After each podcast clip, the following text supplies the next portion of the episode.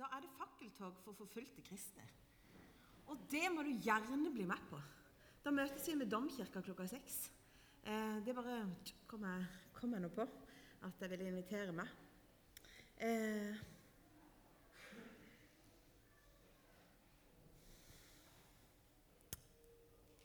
eh, hvis du lurer på hva som skjer nå, så foregår det en indre dialog her. Men jeg tror jeg skal si det jeg tenker på, fordi jeg hadde en sånn opplevelse under lovsangen eh, nettopp i stad. Eh, eh, kanskje, eh, kanskje, det er flere enn meg som har det sånn at, eh, at hodet er litt fullt av ting som ikke er her inne akkurat nå. Sånn har jeg det om dagen. At det, er liksom, det kverner, det går, og det pumper, det koker. ikke sant? Og så og så hadde jeg en opplevelse akkurat som om eh, Gud møtte meg litt og sier nå eh, Bare vær her, du. Skal jeg være der.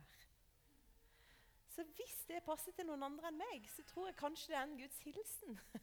ja, At vi kan, kan, falle til ro her sammen. Mm. Og at eh, han har omsorg for oss og hele vårt liv. Og det som okkuperer. Mm, det som okkuperer. Ja, så hadde jeg lyst til å si det. Vi er i serie om trivsel og tjeneste. Det er to bra ord på T.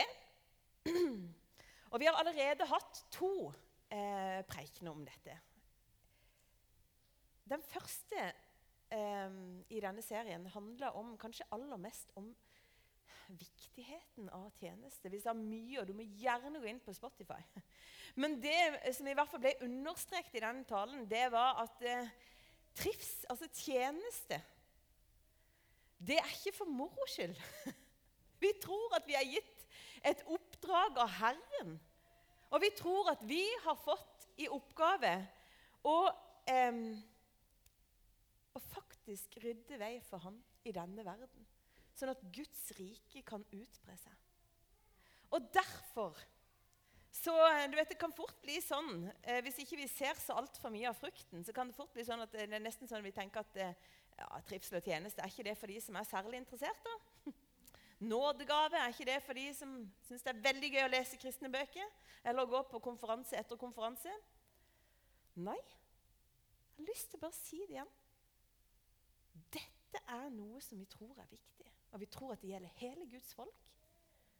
Fordi at han har bedt oss om det. Og det var så fint det du leser. Vi, vi tjener jo ikke, Det er jo ikke mennesket, det er jo Herren vi tjener. Og fordi at det er så viktig, så skal vi òg se med respekt på de nådegavene som er i funksjon. Og vi skal heie på hverandre, hedre hverandre. Enten gaven som er i funksjon, er en sanggave, eller det er noen som pynter eller gjør i stand, kommer med kreative ting. Alt til hans ære, og for at hans rike skal være det gjeldende riket i denne byen. Ja, være det gjeldende riket for barn og unge i Tromsø. Det skal være det gjeldende rike for mennesker som kjenner på at det er krevende å leve. Så tror vi at det å utbre Guds rike, det har Han gitt oss med sin ånd. Nåde nok til å stå i. Og så kommer det faktisk ikke an på hvor eminent du er. jeg tror ikke det. Jeg tror at lys skinner gjennom sprekket. Mm. Så det er helt OK å være meg. Og Forrige gang så snakka Magnus om trivsel i tjeneste. Det der med å finne noe som du passer til. Det er ikke sånn at alle har lyst til å stå her og synge. Noen av oss får jo indre angst og uro med tanken. ikke sant? Men det fins noe for hver enkelt. Vi er skrudd sammen på et vis. Vi har noen interesser. Vi har et eller annet som gjør at vi som, oh, her er det noe som jeg syns er gøy. Finn ut av det. Og Da stilte han et spørsmål som jeg syns var viktig. Er Gud god? Hva er gudsbildet vårt? Fordi at Hvis vi tenker noe annet om Han, så er det ikke så sikkert at vi tør å la Han sette oss i tjeneste. Hvis han er en annen type Kanskje vi har møtt noen mennesker som ikke var så veldig gode ledere. ikke sant? Hvordan er Gud? Kanskje er det noen av oss som bare må stoppe opp med det spørsmålet og finne ut om vi har tillit til ham såpass mye tillit at vi vil bruke vår tid og vårt, vårt liv mm. sammen med han og i tjeneste for ham. I dag skal vi lese Bibelen sammen. Og Vi skal til Matteus kapittel 20. Du kan følge med eller lytte sånn som du vil. For himmelriket er likt en jordeier som gikk ut tidlig en morgen for å leie folk til arbeid i vingården sin. Han ble enig med arbeiderne om én denar for dagen og sendte dem av sted til vingården. Ved den tredje time gikk han igjen ut, og han fikk se noen andre stå ledige på torget. Han sa til dem, 'Gå bort til vingården, dere også. Jeg vil gi dere det som er rett.' Og de gikk. Ved den sjette time og ved den niende time gikk han ut og gjorde det samme. Da han gikk ut ved den ellevte time, fant han enda noen som sto der, og han spurte dem, 'Hvorfor står dere her hele dagen uten å arbeide?' 'Fordi ingen har leid oss', svarte de. Han sa til dem, 'Gå bort til vingården, dere også.' Da kvelden kom, sa eieren av vingården til forvalteren, 'Rop inn arbeiderne, og la de få lønna si.' 'Begynn med de siste og gå videre til de første.' De som var leid ved den ellevte time, kom da og fikk en denar hver. Da de første kom fram, venta de å få mer, men de fikk også en denar. De tok imot den, men murret mot jordeieren og sa:" De som kom sist, har arbeida bare en time, og du stiller de likt med oss, vi som har båret dagens byrde og hete. Han vendte seg til en av dem og sa, Venn, jeg gjør deg ikke urett. Ble du ikke enig med meg om en denar? Ta ditt og gå. Men jeg vil gi han som kom sist, det samme som deg. Har jeg ikke lov til å gjøre som jeg vil med det som er mitt? Eller ser du med onde øyne på at jeg er god? Slik skal de siste bli de første, og de første de siste. Det er litt av en tekst.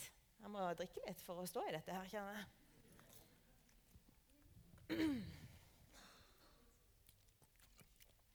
Du kan ikke sitere meg på det.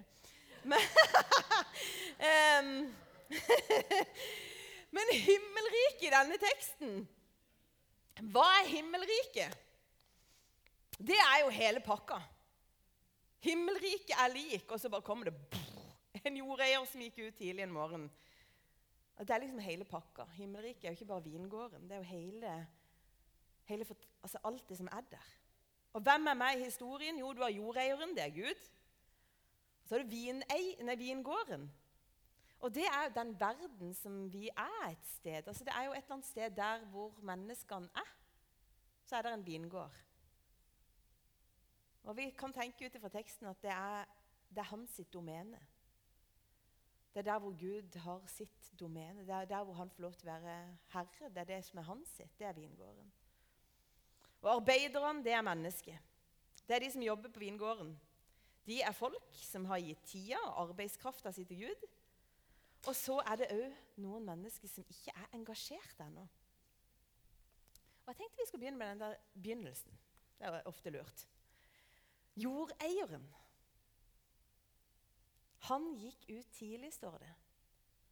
Og han gikk ut av sin egen vingård for å invitere mennesker til å jobbe for seg. Jeg vil stoppe allerede her. For jeg tenker at Her sier teksten noe som er så utrolig sterkt om Gud. Hvem er han? Han er den som går ut av sitt eget. Han går ut av sin egen komfort.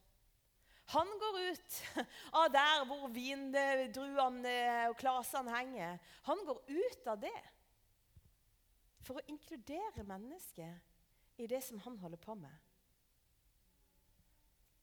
Det er veldig vakkert. Det er veldig, veldig forbilledlig. En som går ut av sitt eget. Det er jo ikke helt fremmed nå når det nærmer seg jul.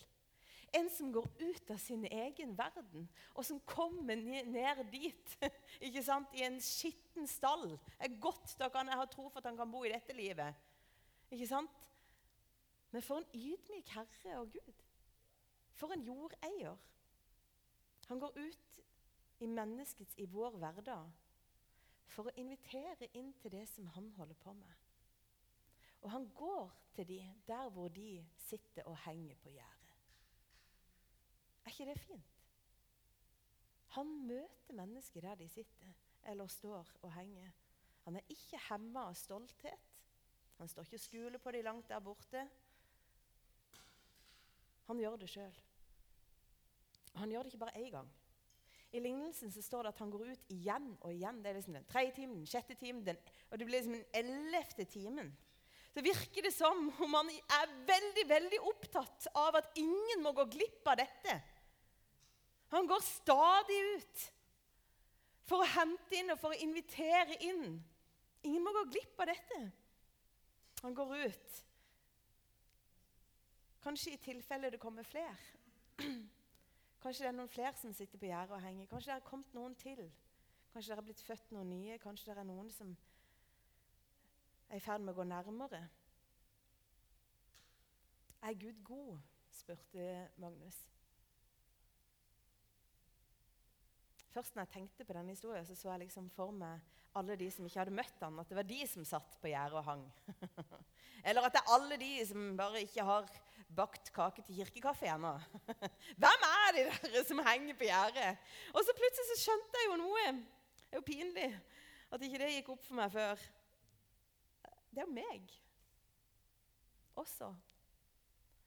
Som stadig ramler ut. Og plutselig så står jeg et annet sted. Jeg har liksom fortumla meg inn i noe som gjør at jeg er ikke helt der i, der i vingården. Jeg er et annet sted. Jeg er inne i en serie på fjerde sesong. Eh, eller jeg er et annet sted. Jeg er oppi all travelheten min. Opplever jo stadig, akkurat som jeg gjorde her før, før, før jeg skulle opp og preike at Gud henter meg inn. Hei, du.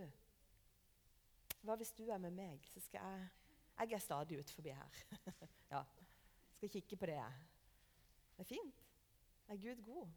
Ja, det kan kan begynne å ligne på det for min del. Og så er det Videre i teksten så er det liksom, når han finner noen som ikke er med, som liksom er med det her gjerdet, så stiller han jo et spørsmål. Så sier han, 'Hvorfor står dere her hele dagen uten å arbeide noe sted?' Og Nå har jeg lyst til å bare minne om noe som ble sagt for to uker siden. Arbeid, det er en gave fra Herren. I vår tid så har vi liksom omformulert arbeid delvis. Da. Altså, her er vi jo mange mennesker med forskjellig livserfaring og tanke om dette. Men, men arbeid er kanskje blitt mer sånn der skolearbeid, kjedelig å gå på jobb, å, ferie. Sant? Og så vil vi bare ha fri. Men arbeid er jo en gave fra Herren. Sånn, klosterbevegelsen snakker om arbeid og bønn. Det er gaven fra Herren. At vi kan være i funksjon med denne kroppen, med disse tankene, med livene våre. Kan vi virke? Og hvis du har det i bakhodet Hvorfor står du her uten å arbeide, uten å være i funksjon? Vi kan lese inn ulike stemmeleier på jordeieren. Og Kanskje når du har lest denne før, så har du hørt at han sier 'Hvorfor står du her?' Hvorfor står du her og ikke duger? Ja, Unnskyld, nå pekte jeg veldig på deg. Hvorfor står du her? Hva er det du holder på med? Hvorfor er jeg ikke noe av deg, da? Du er jo, du er jo veldig Nei. Kanskje du har hørt det når du har lest denne historien. En veldig streng type. Som er litt sånn Ja vel, hvorfor står du her? Hvorfor er ikke du med? Hvorfor har ikke du meldt deg tilbake pepperkake til fengselet? Ja, hvorfor har ikke du? Kanskje du har hørt den. Men hva om du hører en annen stemme som sier Du, hvorfor står du her? Hva er grunnen? Hva er det som gjør at du ikke får brukt livet ditt, eh, eller ikke har lyst til å være med i vingården? Er du syk? Har du dårlige erfaringer? Eller tenker du at du ikke trengs? Eller at dette ikke passer for deg? Har du ikke lyst? Det kan godt være at du bare ikke har lyst. Tenker du at det du har å komme med, ikke er godt nok? Det er jo noe her, for det ligger noe i dette spørsmålet som egentlig sier at alle har egentlig bruk for å være i funksjon. Og så er det et spørsmål hvorfor stoppa det opp? Og Hvis arbeideren hadde svart vi er så himla slitne, eller vi er syke. Da kan det jo være at lignelsen hadde vært annerledes. Kanskje plutselig så hadde vi vært i Matteus 11 så hadde det stått ja, kom til meg. Ok, er du syk? Kom til meg. Kom til meg, du som strever i tungt å bære. Jeg skal deg hvile. Nå dikter jeg litt, men jeg lener meg på noen bibelvers. ikke sant? Og budskap som fins både i Det gamle og Det nye testamentet. Kanskje det er et svar som er sånn Nei, jeg vil ikke jobbe i denne kirka. Jeg er veldig uenig. Jeg er veldig uenig, jeg liker ikke måten de gjør det på. De burde gjøre det annerledes. Jeg har erfaring med at vi burde gjøre det veldig annerledes hos oss. Kanskje det er svaret ditt. Hva hadde responsen fra vingårdseieren vært da? Nei, du kan jo spørre ham. Du kan jo ta en prat med ham. Eller så kan du ta en prat med noen av de andre som er på denne vingården. Men det er ikke det de svarer. De svarer at det er ingen som har spurt oss. Ingen som har spurt oss om vi skulle være med. Det er ingen som har spurt oss. Og det er jo veldig spesielt. For det er jo antageligvis mange folk i funksjon på en vingård. Er det ingen som har fortalt dem at det er et godt sted å bruke sine ressurser? Er det ingen som har sagt at de er velkomne? Er det sånn at de har stått på utsida av vingården og så har de bare sett på at alle de andre klipper, klipper, syr og syr, og så har de sett varmen der inne, og så er det liksom piken med svovelstikkene som står på utsida og ser hvor varmt det var der inne. Jeg har en venninne som har en sånn utrolig vond historie. Fordi at hun har en bror som eh, Det er egentlig hans historie, da. Men det er så sterk fortelling. fordi at uh, han, eh, han, har noen naboer som aldri gikk i kirka, mens de gikk i kirka hver søndag. Og så eh, kan være jeg har sagt dette før, men så, så, så, sier han til disse naboene sine en dag sånn 'Skal ikke være med. Skal ikke dere være med i kirka?' Nei, det var ikke arbeid. Det var en, en kollega eller noen han kjente. Så, 'Du skal ikke være med i kirka på søndag.' Nei. Eh, hvorfor skulle jeg det? Nei, det er veldig trivelig. Nei, sier denne her som han kjenner. Det Du skjønner det at vi har noen naboer som går i kirka hver søndag. Og hver søndag så ser vi at de går ut av, eh, av huset sitt. Og det ser så kjekt ut. Og så setter de seg i bilen, og så vinker de til oss. Så vinker vi tilbake. Men de har aldri spurt om vi skulle være med, så jeg er ikke så sikker på at det er et sted for oss. Er det sånn det er å stå på utsida av vingården? At du bare ser de andre som holder på og har det trivelig i lag, og så bare vinker de, og så vinker vi til hverandre. Ja, ja. Da er det jo veldig godt at jordeieren er typen som går ut av sitt eget for å fortelle at vet du hva, du er òg invitert. Og det tror jeg faktisk at Gud holder på med, for det er veldig mange mennesker som jeg ikke har invitert. Og jeg tror at Gud holder på i hele denne byen. Jeg tror han holder på. Jeg tror han er der hvor vi ikke er. Og jeg tror han holder på å gjøre klare noen hjerter og gjøre klare noen og fortelle dem at de er ønska. Og så tror jeg på et eller annet tidspunkt at jeg må få kobla meg på og sagt at de kan sitte på med meg. Eller ta følge med meg. Eller om de har lyst. Du vet, En av vår tids største utfordringer det er ensomhet.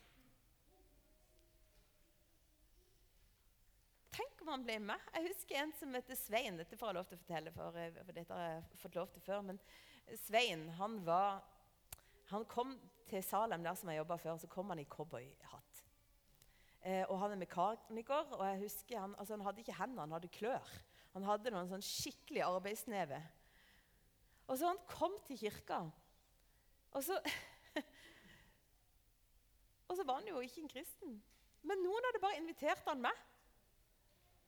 Og så spurte de bare om han skulle være med og jobbe i kafeen. Ja, så gjorde han det.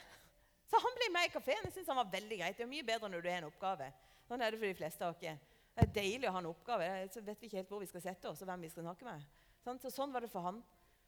Og så spurte jeg om han skulle være med i ungdomsarbeidet. Kanskje for jeg så liksom han var typen som kunne helt ærlig så var det litt egoistisk, for jeg tenkte jeg trenger en mekaniker til å snakke med de guttene der. så dro han inn der, vet du, og han blei. Jeg tror jeg regnet meg fram til han ble i syv år. Fulgte et kull med konfirmanter til de var ferdig med videregående. Han ble en kristen. Det tok jo ikke lang tid, det, men han trengte en invitasjon fra noen. Skjønner du?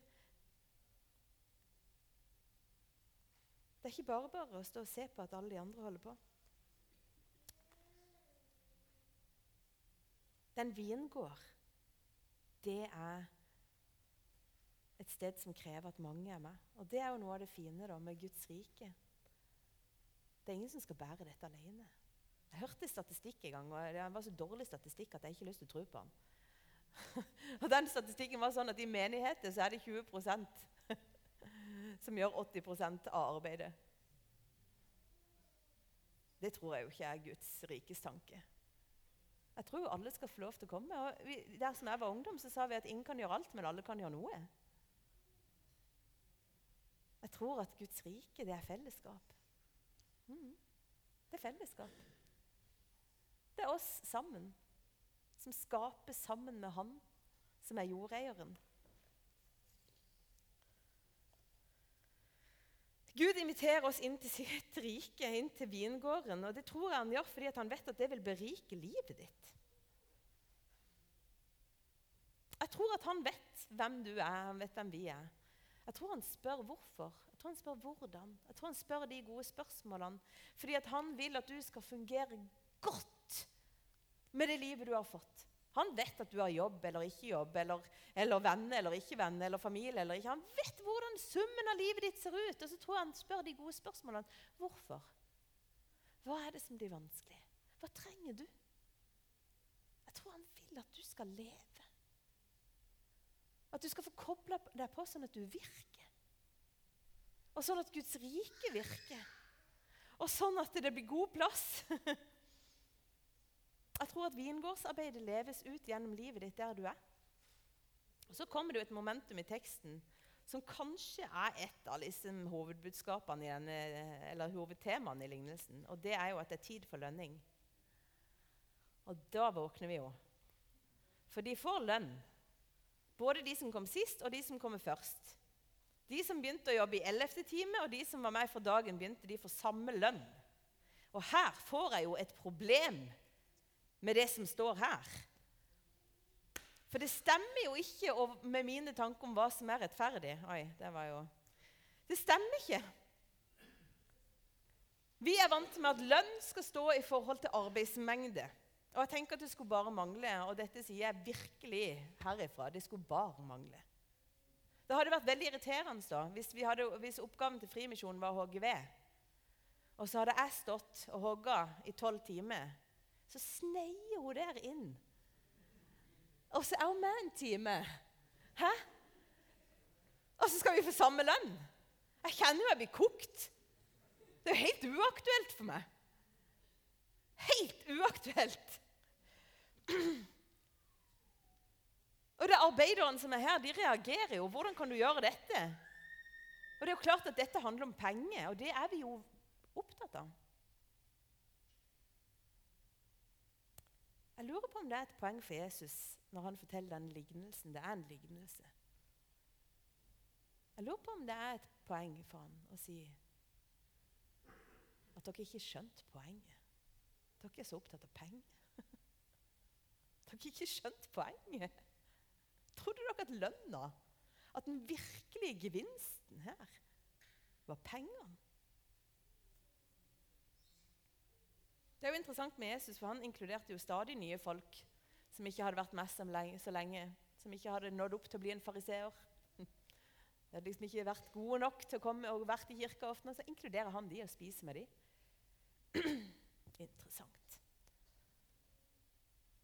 Men det står i hebreerbrevet Gud er ikke urettferdig, så han glemmer det dere har gjort. Og den kjærlighet dere har vist hans navn med å tjene de hellige. Han er ikke urettferdig. Men i sin rettferdighet så tror jeg han ser annerledes. Hans rettferdighet ser annerledes ut enn det som vi kanskje er vant med. Jeg husker da jeg var liten, så pleide vi å måle, måle saft i glass.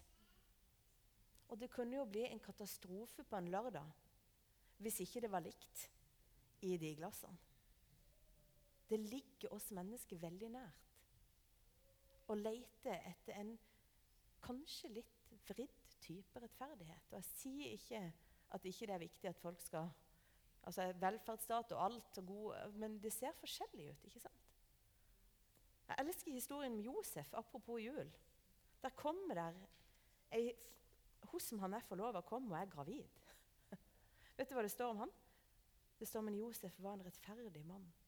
Og han ville ikke føre skam over henne. Han ville skille seg fra henne i stillhet. Det er akkurat som Guds rettferdighet og hans barmhjertighet er knytta sammen.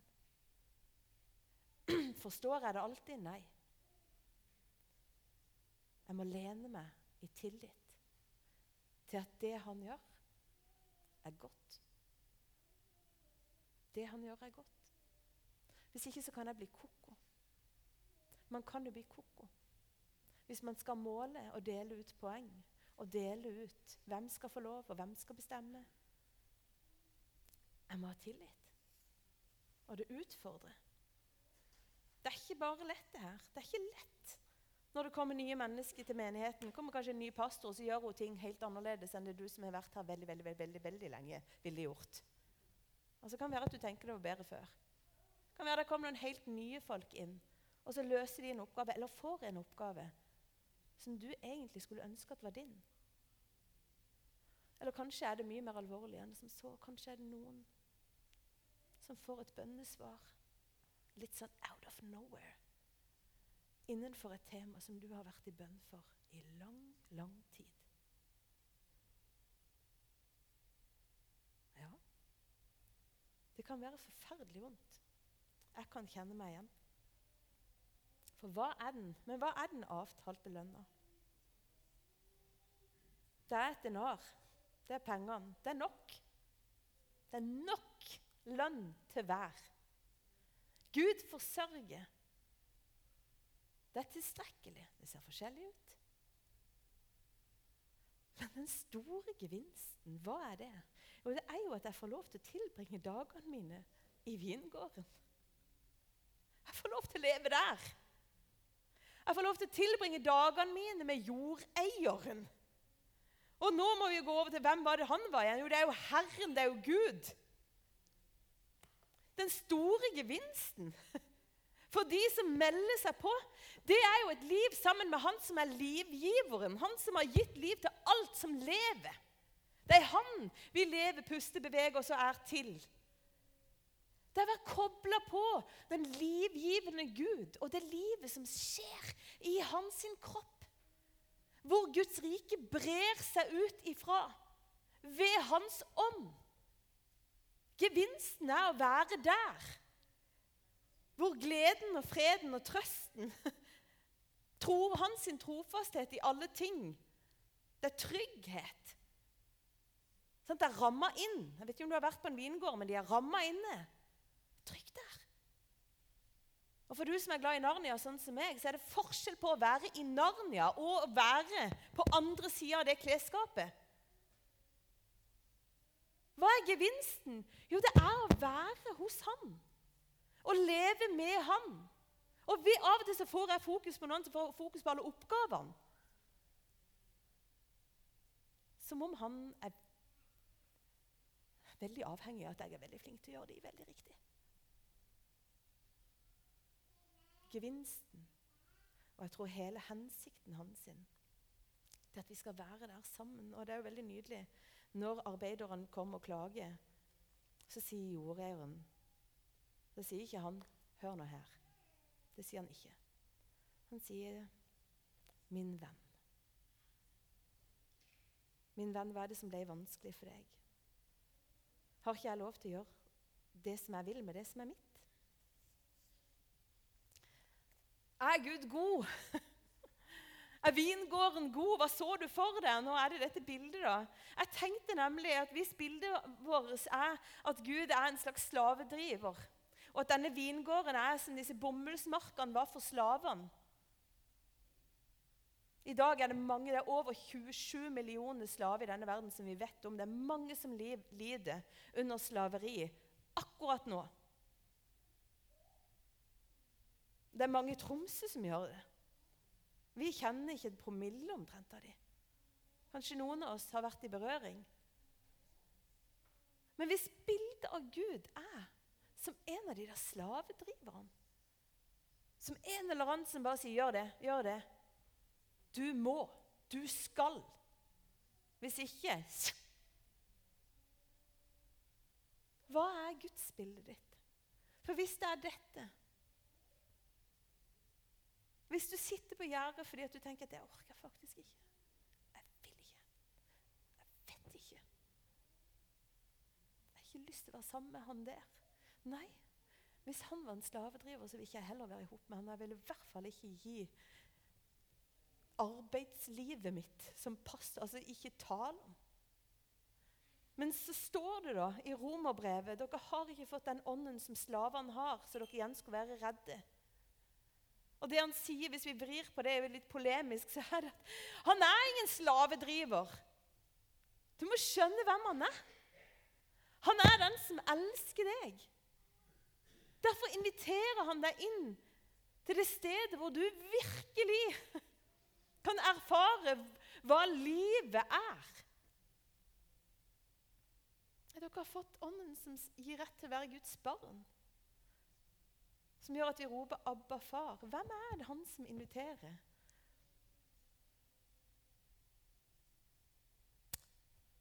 Det er han med farshjerte så høyt at han går ut av seg sjøl, blir født i en skitten stall, lever sine første år som flyktning, dedikerer hele livet sitt fordi at han vil være sammen med deg igjen. Hvem er jordeieren? Det er han. Og hvis jeg kan se at det er han, da kan jeg tørre å hoppe ned fra det gjerdet og snu meg. Kan jeg vende meg om på nytt. Og så kan jeg tenke ja, ja, ja, jeg skal være med på hans greie. Jeg skal avslutte, men jeg skal bare ta deg med på en liten roadtrip i California. For noen somre siden, i 2018, så var jeg, var jeg der. Da var jeg faktisk, Vi kjørte gjennom en, et område som heter Napa Valley. Og Det er et veldig kjent vindistrikt. Jeg håper ikke jeg fornærmer noen når jeg snakker om vin. Det mener jeg ikke å gjøre. Her har vi forskjellig erfaring med alkohol, både i eget liv og kanskje andre rundt oss har brukt det. Så det har jeg veldig respekt for. Men nå er det noe vin som er tema her i vingården. Og jeg var tilfeldigvis på tur hvor det dukka opp en vingård som er i Napa Valley. Og Vi stoppa og så besøkte vi en av de eldste vingårdene. Det som er sikkert er at På vingårder der er det bøtte og dunkevis med én ting. Og det er vin. Yes. Og bibelsk sett, menneskelig sett, så kan det være at erfaringer med vin er bare katastrofe. I Bibelen så er vinen et bilde på livet og gleden i ånden. Livet og gleden i Guds ånd. Det står om ny vin i nye skinnsekker. Han gjør vann, det smakløse, det som liksom bare ikke er så veldig spesielt. Og han gjør det om til vin, til noe som bare skaper fest. Vinen. Og Jesus velger vin som symbolet på sitt eget blod. Det som renser, det som beskytter, det som gir oss del i, sitt, e, i hans sitt evige liv. Vin har en effekt. Og Guds vin har en effekt. Liv og glede, tilgivelse. Beskyttelse, styrke for våre liv. Og der får vi lov til å leve der hvor vinen er. Og Historien om vingården det forteller oss noe om hvem Gud er. Det er en ydmyk herre som lengter etter å invitere oss inn og han gjør det. Han går ut av sitt eget. Er han god?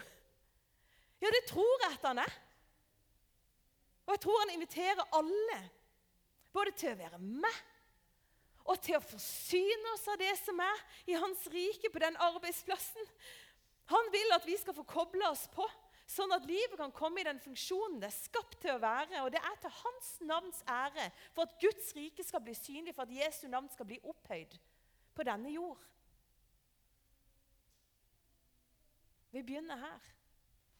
Så fortsetter vi i evigheten. Et liv i overflod av Ånden, det er et liv i glede.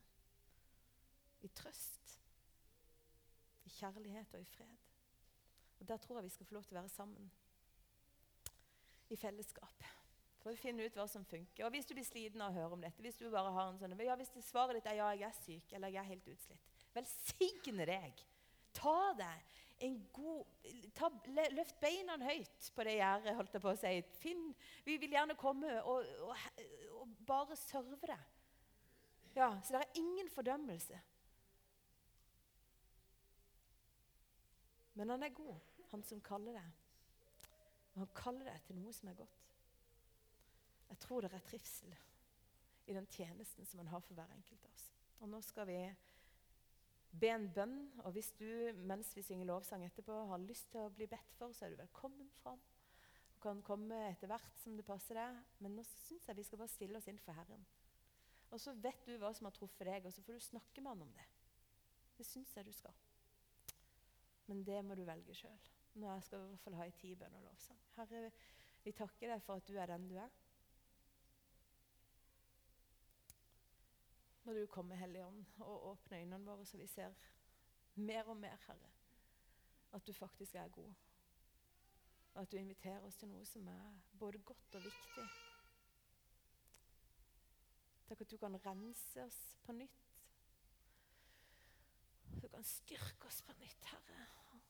Du kan gi oss liv på nytt, Herre. Og du kan bruke oss på nytt. Velsigna være ditt.